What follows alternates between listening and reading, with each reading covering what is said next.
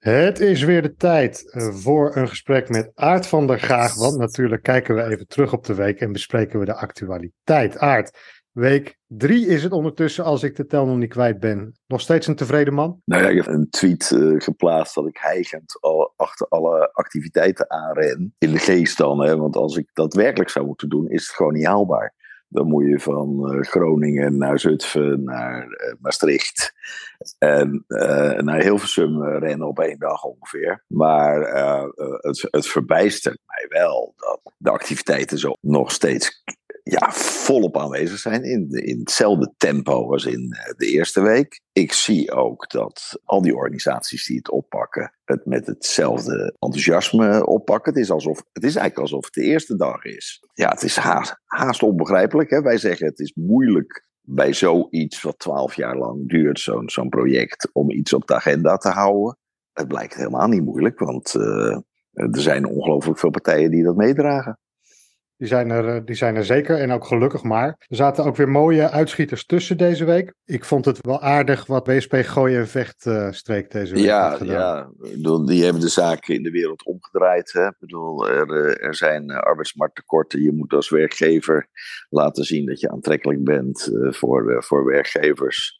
Dus in dit geval uh, presenteert de kandidaat zich niet aan uh, de werkgever, maar de werkgever aan uh, de kandidaat. En die mag dan, dan kiezen. Een wereld, een ideale wereld die ik altijd zo voor me gezien heb.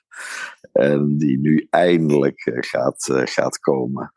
Zelfs in de wereld van arbeidsbeperkten. Nou ja, dan hebben we toch wel het geregeld, niet? Het is een, een arbeidsmarkt Walhalla. Ook ja. inclusief werkgevers weer in het zonnetje werk. Ja, zelfs drie, zelfs drie categorieën. Hè. Het was de beginnende, de meest inspirerende en de meest sociale. Nou ja, weet ik vind dat gewoon hartstikke goed. Want in al die jaren heb ik gemerkt dat uh, waardering gewoon helpt. Uh, ook naar die bedrijven toe. En ze worden daarmee ook een voorbeeld. Ik heb nog nooit meegemaakt dat ze niet staan te stralen op het uh, podium. Erkenning voor het werk wat je doet is belangrijk, is überhaupt in het leven belangrijk om uit te spreken tegen mensen dat ze hun werk goed doen, et cetera. En, en, dat doen we soms uh, te weinig. In dit soort gevallen pakken die WSP's en andere organisaties die zich op dit gebied uh, bezighouden, in dit geval Factor Werk, het uh, fantastisch op. Het is natuurlijk niet alleen het, het bedanken of in het zonnetje zetten. Het doel is altijd ook om anderen te inspireren. Geloof, geloof jij daarin? Ja, nou ja, ik, denk echt dat dat het hart van ons werk is uh, geweest. We zijn eigenlijk vanaf het begin, toen gebruik ik het woord nooit meer, want toen hadden we het over storytelling. Maar de story was altijd een, uh, iemand met een arbeidsbeperking die in een bedrijf terechtkwam en daar ontstond iets door wat het bedrijf ook waardeerde. En het bedrijf ging lekkerder lopen. En dat liet hij dan weer zien aan de andere bedrijven. Die denken, dan probeer ik het ook eens een keer. Uh, dat is steeds groter en groter geworden. Dat is die duurzaam uitvloeiende uh, olievlek. En die werkt veel beter dan enig opportunisme van ah, je kan een subsidie krijgen of wat dan ook. Wat wij tijdens deze maand ook leren kennen, dat wisten we natuurlijk ook wel, is dat het uh, niet altijd alleen maar een feestje is, die banenafspraak of, de, of die inclusie. Hè, dat er ook uh, zorgen en kritiek uh, zijn. Deze week hadden we een column van Marlies van Hilten van Work, Emma at Work. Die in haar titel al eigenlijk heel duidelijk maakte wat ze bedoelde. De banenafspraak moet weg. Ja, daar is groot gelijk in. Het was mijn eerste werkbezoek in mijn eerste maand als uh, boekbeeld van het bedrijfsleven. Samen met Jetta gingen wij op bezoek bij Emma Work. Daar is mijn veelgebruikte voorbeeld Danny uit voortgekomen. De jongen met MS die het na zijn achttiende kreeg en geen rechten had. En waar Emma Work zich op beweegt vaak jongeren met chronische uh, ziektes, die, die eigenlijk in geen enkel vakje passen. En dan uh, niet in het vakje passen van, uh, van de banenafspraak. Dat paste ook helemaal bij toen de quotumwet in beeld kwam. toen hebben 41 organisaties daartegen gelobbyd. En 40 zeiden: zo moet je het niet doen. Want dan komt er allemaal onderscheid tussen allerlei uh, type handicaps. En dat moeten we niet hebben. Daarmee pakken we de brede inclusie niet.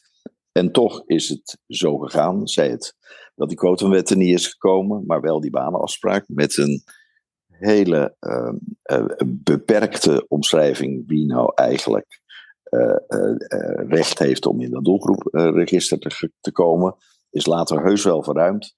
Daar gaat het niet om, maar in wezen, als er kritiek is op, uh, of, of, of dat er uh, kanttekeningen bij cijfers uh, worden gezet, gaat het eigenlijk nooit over die banenafspraak. Gaat het eigenlijk altijd over de brede groep van arbeidsbeperkten. Dat is ook de reden natuurlijk dat wij al jaren nu pleiten om van op naar de 100.000 naar de 200.000 te gaan.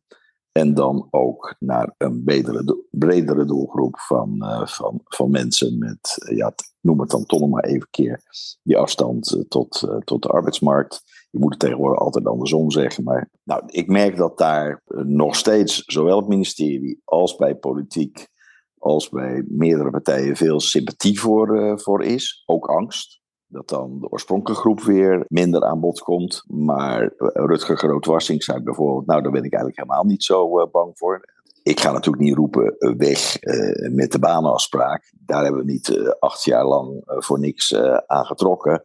Maar wel op naar een vernieuwde situatie waar veel breder groepen van dezelfde instrumenten, maar dan simpeler gebruik kunnen maken. Nou, dat voel ik dat dat ook uh, in de Kamer uh, speelt. Ik was gisteren bij Daan de Kort van de VVD.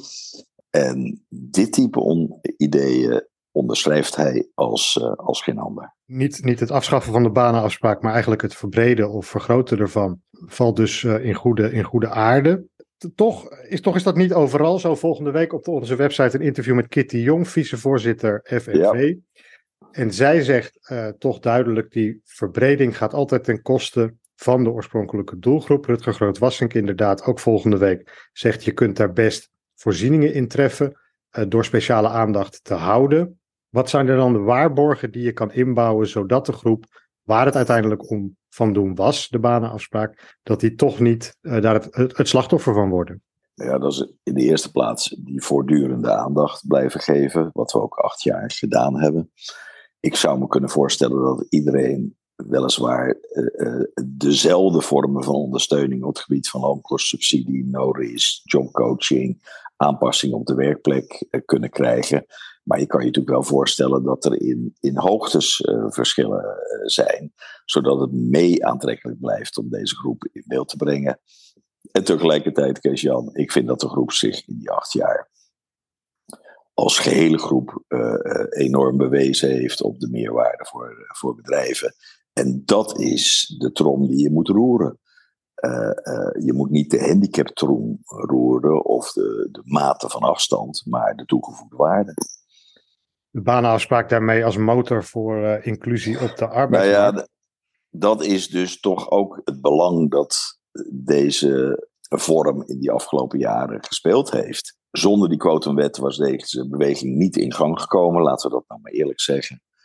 Dat opent toch ook de deuren voor bredere inclusie. En daarom is het hartstikke goed dat er een hele tijd achter een relatief smalle groep aangejaagd is. Als laatste misschien wil ik er nog één column uitlichten, vooral als cadeautje aan jou. Een organisatie waar jij niet onbekend mee bent, de ABU, directeur Jurin Koops die uh, roept op tot een eindsprint van zijn uh, sector. Nou, dan moeten ze wel heel erg hard gaan lopen. Want uh, in het begin heb ik met deze sector buitengewoon intensieve gesprekken gehad. die hadden de ambitie om 30.000 mensen van de 100.000 op te pakken. En ik denk dat nu aan het eind van het jaar uh, er 5000 gedetacheerde en uitzendkrachten zullen zijn. Dus uh, dat is een, een, een, stevige sprint voor zijn sector. Daar heeft hij weliswaar nog de tijd voor tot 2026. Dus dat is nog een, een dikke drie jaar, zeg maar. Dus er kan zeker meer.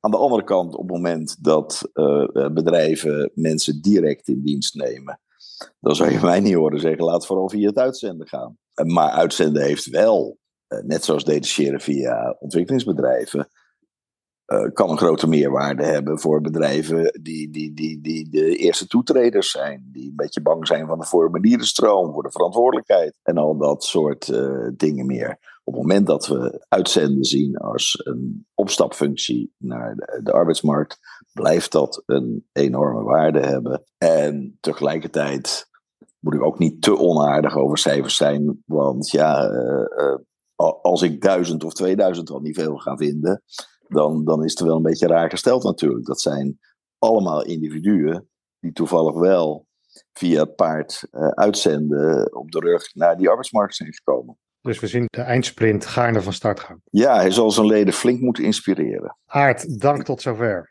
Geen dank. Deze podcast is een productie van Op naar de 100.000 banen en Op naar de 25.000 banen. Alle informatie over de maand van de 1000 voorbeelden op www.opnaarde100.000.nl slash 1000 voorbeelden.